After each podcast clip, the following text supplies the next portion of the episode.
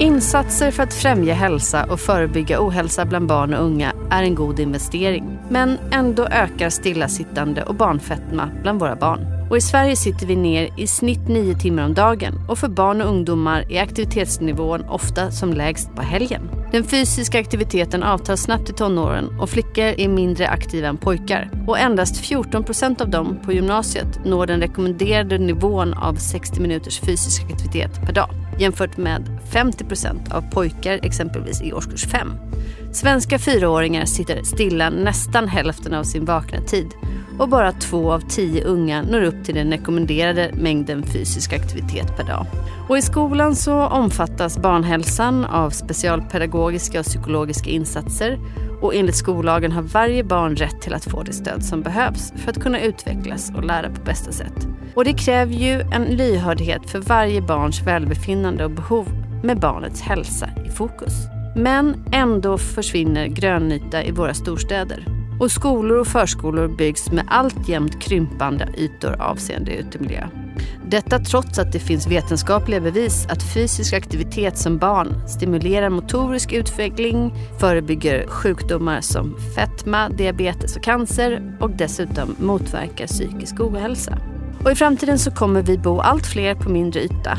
Men hur kommer vi överens om stadsrummet och vad det ska vara och hur det ska användas? Det måste finnas ytor för alla behov. Hur kan fastighetsägare och kommuner skapa nya värden i anslutning till sina fastigheter? Hälsa är ojämlikt idag och det drabbar både individen och samhället. Och det finns stort behov av att samla samhället på flera nivåer för att försöka påverka förutsättningarna för möjligheterna att röra sig i vardagen. Men hur gör vi då för att se till att det finns ytor för barn och unga som svarar upp mot både mångfald, genus och olika åldersgrupper? På Outer Space Arkitekter arbetar man med hur man kan göra befintlig stadsmiljö mer inspirerande för barn och unga. Och tillsammans med dem pratar vi om hur de gör när man arbetar med platsutveckling och vad de ser som framgångsfaktorer och nycklar i hållbar stadsutveckling med fokus på barn och unga.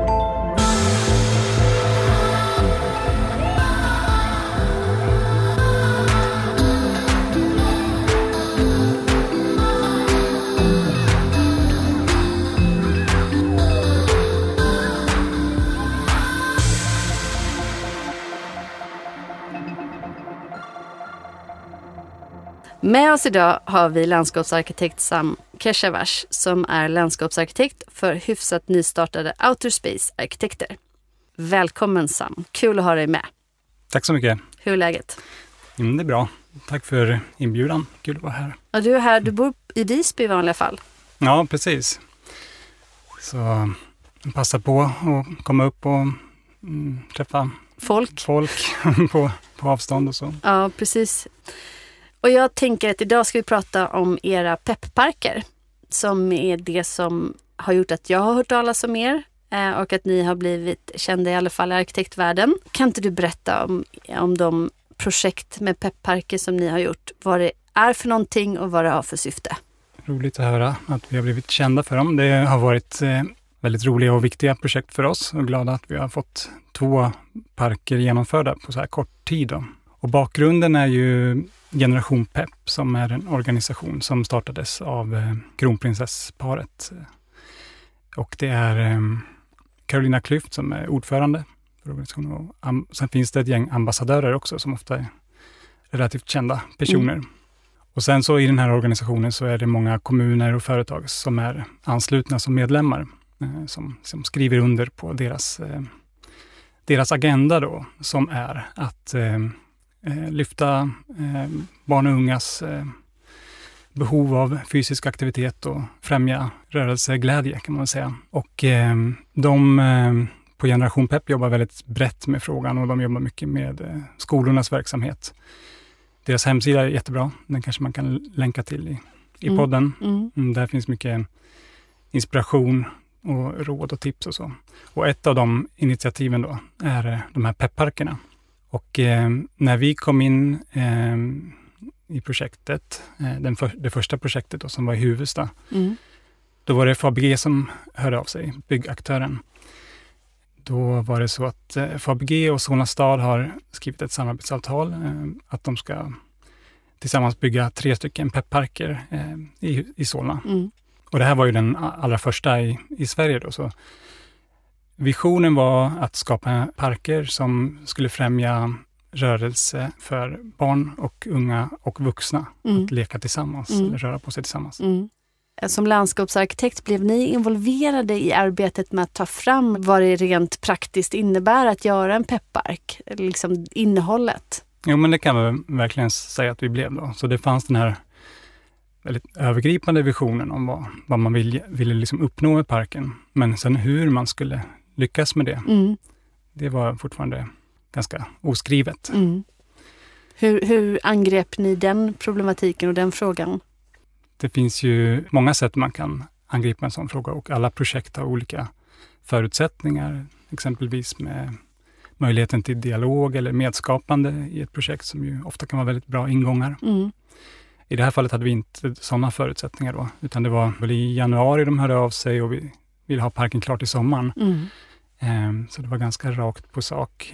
Jag har jobbat länge på, på White Arkitekter i 13 år och jobbat mycket med processer av olika slag. Mm. Mm. Mm, så lite sånt har jag med mig i, i bagaget när vi sätter igång ett projekt. Mm. En, en sak som vi ofta brukar tänka på är hur man kan, eh, en, en, liksom ett ledord kan vara att folk gillar folk. Mm. Det handlar ju om bredare saker än bara eh, lek eller aktivitetsparker. Då, Mm. utan, men det tycker jag ofta är en bra utgångspunkt. Att kan man skapa någonting som även mormor gillar, Mm. Mm. så kommer också barnen gilla det Mm. och tvärtom. Då. Mm. Så eh, lite sådana ingångar hade vi eh, och övningar som vi gjorde då, för då, liksom, när vi skissade och prövade Mm. och hittade ett koncept. Mm. Och sen eh, även de här lite mer traditionella verktygen som vi som arkitekter har, eh, när det gäller att förstå och analysera och Mm. skapa. Mm. Men jag tänker så här, måste man vara en fysisk person som idrottar och sådär för att liksom gilla det här konceptet eller det här tänket? Och liksom hur rent praktiskt tänker man som landskapsarkitekt när man vill liksom bygga någon slags utemiljö som är lite artificiell, som inspirerar till aktivitet. Liksom. Bygger man stora prototyper eller testar man grejer? Liksom? Du är ganska lång. Eh, liksom, testar man grejer i verkligheten innan man liksom ritar dem eller hur gör man? Jag tänker att alla projekt har olika förutsättningar. Vi har gjort två pepparker till exempel. Den Mm. ena är i en jättefin parkmiljö som man egentligen inte vill störa så mycket. Som Det är ganska finns- grön då? Den är väldigt grön och en fin kulturhistorisk miljö med Mm. Huvudsta slott precis bredvid. Mm. Så där, där landade vi i, ja, det, det var en stor pulkabacke liksom, i st- stor del av parken och Mm. den ville vi liksom inte förstöra på något sätt, utan snarare inspireras av. Mm. Liksom, vi, det blev nästan som vårt koncept att kunna återskapa pulkabackens liksom, rörelseglädje, Mm. eh, där man som både barn och vuxen springer upp och ner för pulkabacken och blir svettig utan att ens tänka på att man Mm, rör mm, på sig. Mm. Så, så med lite sådana ingångar så landade vi i en, en park som vi kallade 100 meter pepp då, Mm. som är 100 meter lång och 4,5 meter bred.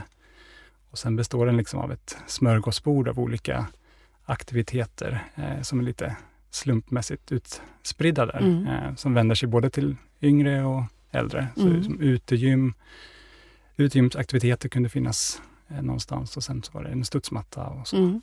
Medan den andra parken, där var den, den var på eh, Arenatorget vid Mm, Friends mm, Arena, mm. som ju är utrymningsplats för 50 000 besökare. Ganska mycket asfalt. Mycket asfalt och inte möjlighet till att ha någon fast utrustning. Då. Mm. Så då får man ju tänka eh, på ett helt annat sätt. Mm. Eh, och där landade vi att jobba med markmålningar med 3D-effekter. Mm, för att liksom, Jag har sett dem. De är himla schyssta, just det här liksom, djupet man kan skapa. Mm, mm, det är jätteroligt. Men så metod och process kring de två projekten är ju såklart väldigt olika. Då. Mm, mm. Har ni i processen inkluderat barnen eller ungdomar? Och vilken åldersgrupp är egentligen målgruppen för pepparker? Du sa alla människor, men jag tänker just utifrån perspektivet stillasittande tjejer, eh, tonåringar och så vidare. Det, är ju, det är ju de vi vill nå ut till, de som inte automatiskt, speciellt i ett sånt här fall då när man får göra någonting som är lite nytt, eh, pepppark, Mm, liksom, mm. att försöka fånga upp de målgrupperna som Mm. inte naturligt rör på sig. Och vi tror väl mycket på arkitekturens kraft, att vi som arkitekter är kreativa människor och försöker att eh, hitta ett sätt att formge någonting som, som är intressant och som en annan metod som vi har använt är liksom att försöka avkoda. Eh, mm. så att det inte uppfattas som någons eh, plats där. Utan, mm.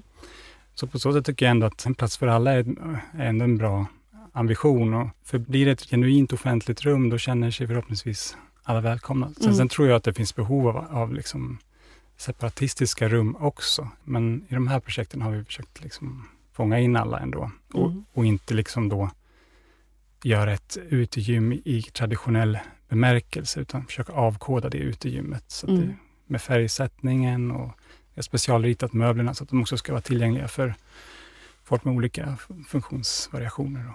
Gud, gud vad intressant. Men, men det här med att fånga upp då barnens feedback, eller var det kronprinsessan som kom och sa att det ska vara så här? Ja, på sätt och vis var det väldigt toppstyrt, det här projektet.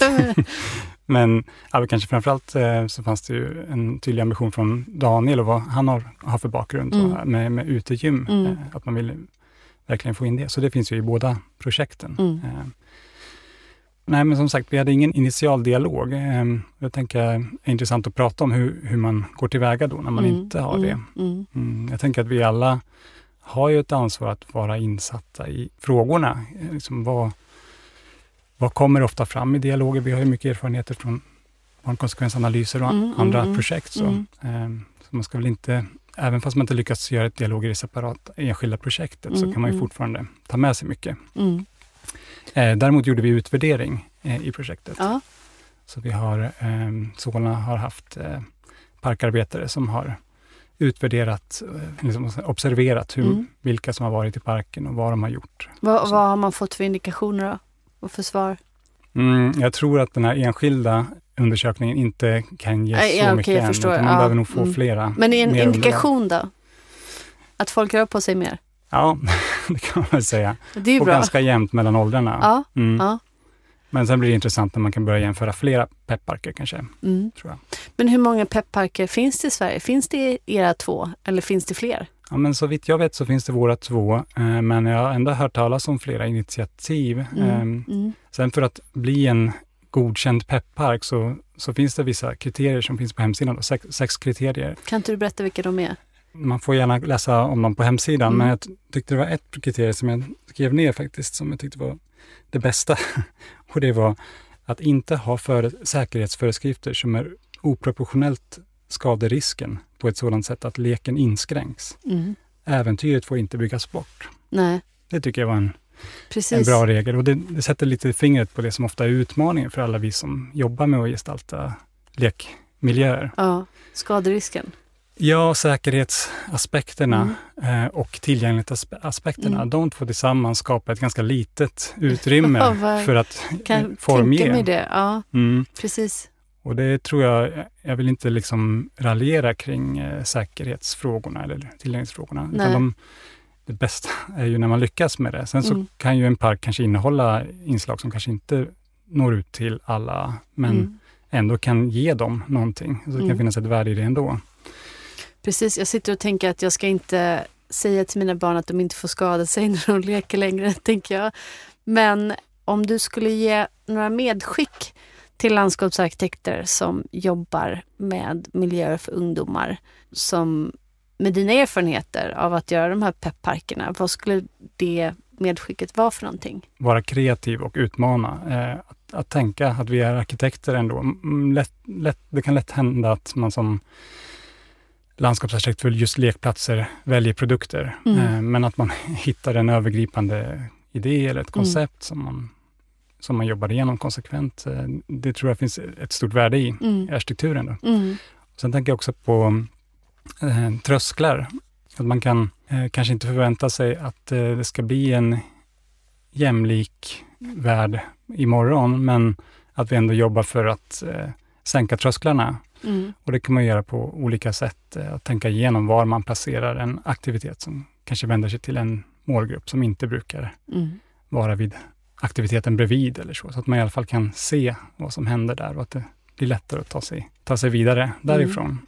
Så man inte bygger in barriärer i hur man utformar Nej, och sen så tror jag också att det är väldigt mycket, det måste vara mycket både och, inte så mycket antingen eller. Det kan finnas både separatistiska rum till exempel. Mm. Det finns ju de här flickrumsprojekten mm. eller eh, så. Men, Skateparker för killar. Ja, precis. Det är synd om det blir polariserat och mm. att det blir antingen eller. Så mm. jag ser gärna att det kan bli både och. Mm. Eh, men också de här miljöerna som, som inte är så svartvita mm. är, är såklart väldigt viktiga. Jättespännande att lyssna på dig tycker jag. Och eh, man kan gå in på er hemsida och kolla för projekten. Göra. Den är ganska minimalistisk. Ja, jag tror att det är vårt Instagram som är som mest är, intressant. Ja, men det, så är det ju. Det är den nya generationen. Det är inte liksom Facebook och hemsidor utan det är Instagram. Det skulle ta för mycket tid. Vad heter den? Outer Space då? Outer Space Arkitekter, ja. Mm. Stort tack för att du var med idag, Sam. Lycka till. Tack så mycket.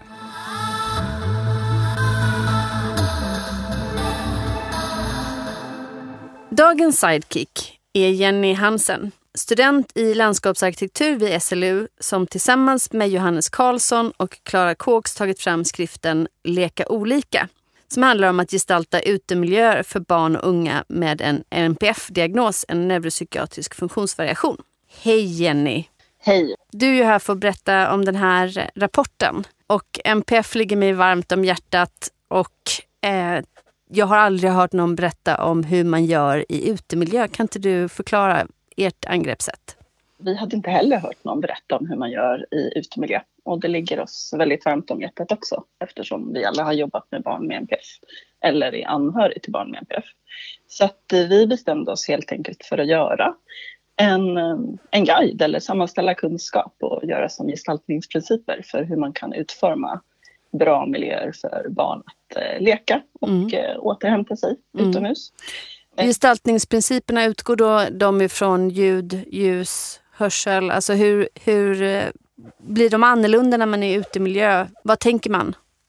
Alltså alla de grundprinciperna som gäller för MPF och gestalta bra miljöer för MPF, de gäller ute också. Alltså som det du nämner med en god orienterbarhet, att det är en bra intryckssanerad miljö med eh, bra ljus och ljud och, eh, och så. Men sen så är det ju som rum att utomhus... Rum för av, avskildhet och att vara tillsammans. Rum för avskildhet och vara tillsammans och ja. allt sånt. Mm.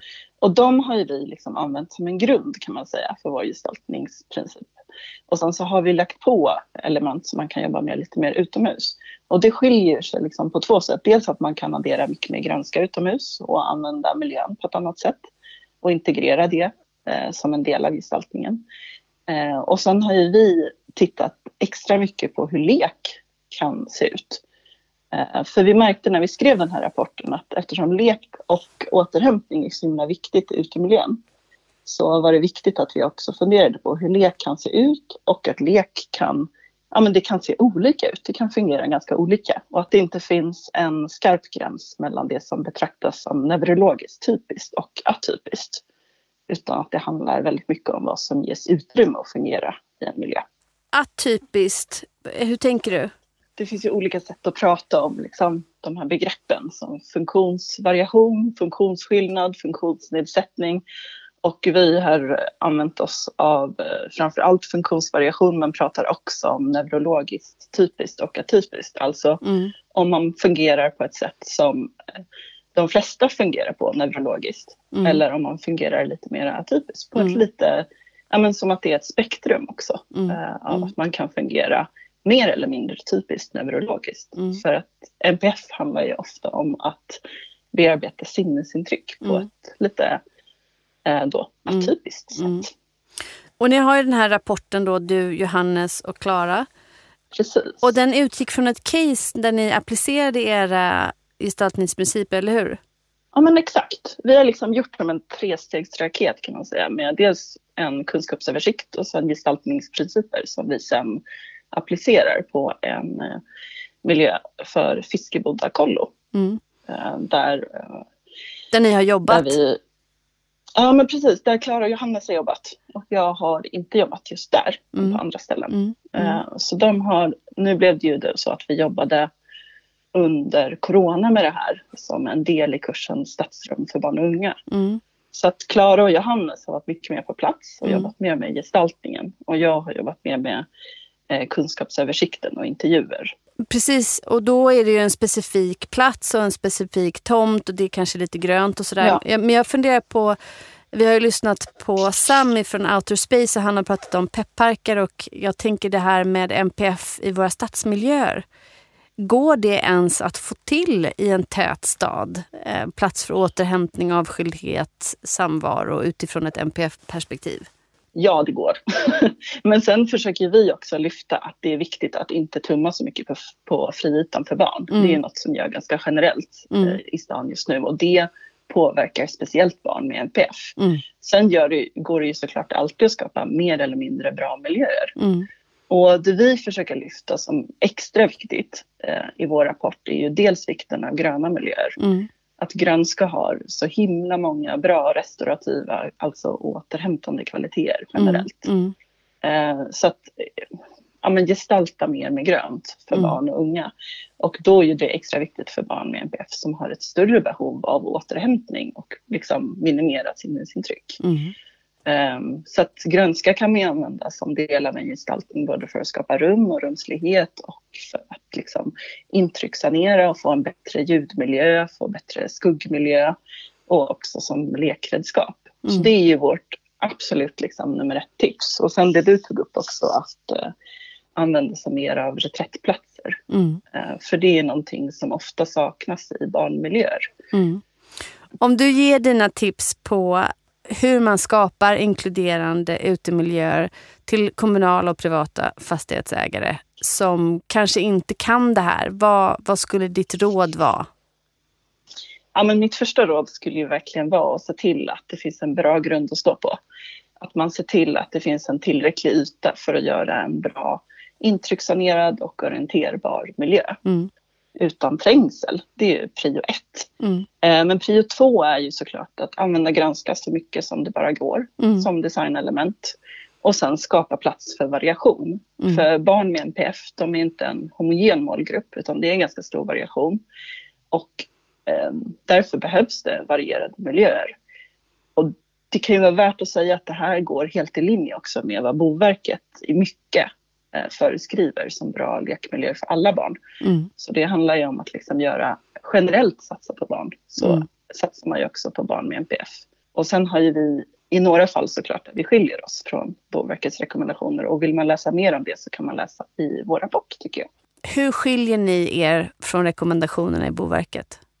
Alltså det, det skiljer oss inte jättemycket vill jag bara börja med att säga. Men vi har tittat lite mer på hur man kan kanske integrera olika typer av lek med varandra. Till exempel så har vi tittat på reträttplatser mm. eh, som man kan tänka är en ganska lugn eh, yta och aktivitet eller brukar traditionellt sägas vara det. Men vi har tittat på fysiska reträttplatser, alltså att man kan använda kroppen och mm. gunga mm. och snurra och eh, klättra eller sortera föremål som en del av en reträtt. För att det i sig kan vara väldigt stressreducerande mm. att få försätta kroppen i en lite mer monoton rörelse. Mm. Och därför har vi också tittat lite på den här zoneringen som ofta ligger till grund för hur man utformar miljöer för barn. Mm. Där det är en ganska lugn zon närmast byggnaden och så blir det som en gradient ut mm. till liksom mm. mera lek. Och där har vi tittat på om man delvis kan integrera de zonerna lite ah. mer med varandra. Mm. För att också, ja men till exempel ha en oprogrammerad yta med eh, väldigt hög informativ tillgänglighet. Mm. Mm. Alltså att man till exempel har en plats i naturlik miljö där det går att påverka platsen väldigt mycket. Mm. Men att det finns som alltså bildstöd eller piktogram mm. eller som eh, liksom, eh, ledtrådar in i miljön mm. som också fungerar som en slags eh, programmering in i lek. Mm. Jag tänker att det där får bli det sista vi pratar om idag men att vi som husarkitekter kan ta lärdom av landskapsarkitekter för att det här var ny ett nytt sätt att se på det utifrån mitt perspektiv i alla fall. Så det var informativt och kul att få lyssna. Ja men vad roligt. Ja. Vad glad jag blir. Eh, jag hoppas att det går bra med fortsatta studier och jag tänker att det kommer vara många som vill anställa er sen när ni är färdiga. Det hoppas vi ju verkligen. Ja, verkligen. Och vi är snart, vi vill, vi är snart klara. Ja, tips till alla som lyssnar. Men stort tack och, och eh, ha en fortsatt bra dag. Tusen tack. Hej då. Hej. Lärmiljöpodden är en podd av OVL Arkitekter Och idag har vi lärt oss mer om peppparker och hur man kan tänka kring att skapa stimulerande utemiljöer för barn och unga. Och vi har också fått höra om hur man kan beakta MPF i gestaltandet av landskapsarkitekturen. Det var allt från oss idag. Glöm inte att följa oss i sociala medier och under hashtaggen lärmiljöpodden och på awlark.se. Vi hörs nästa vecka.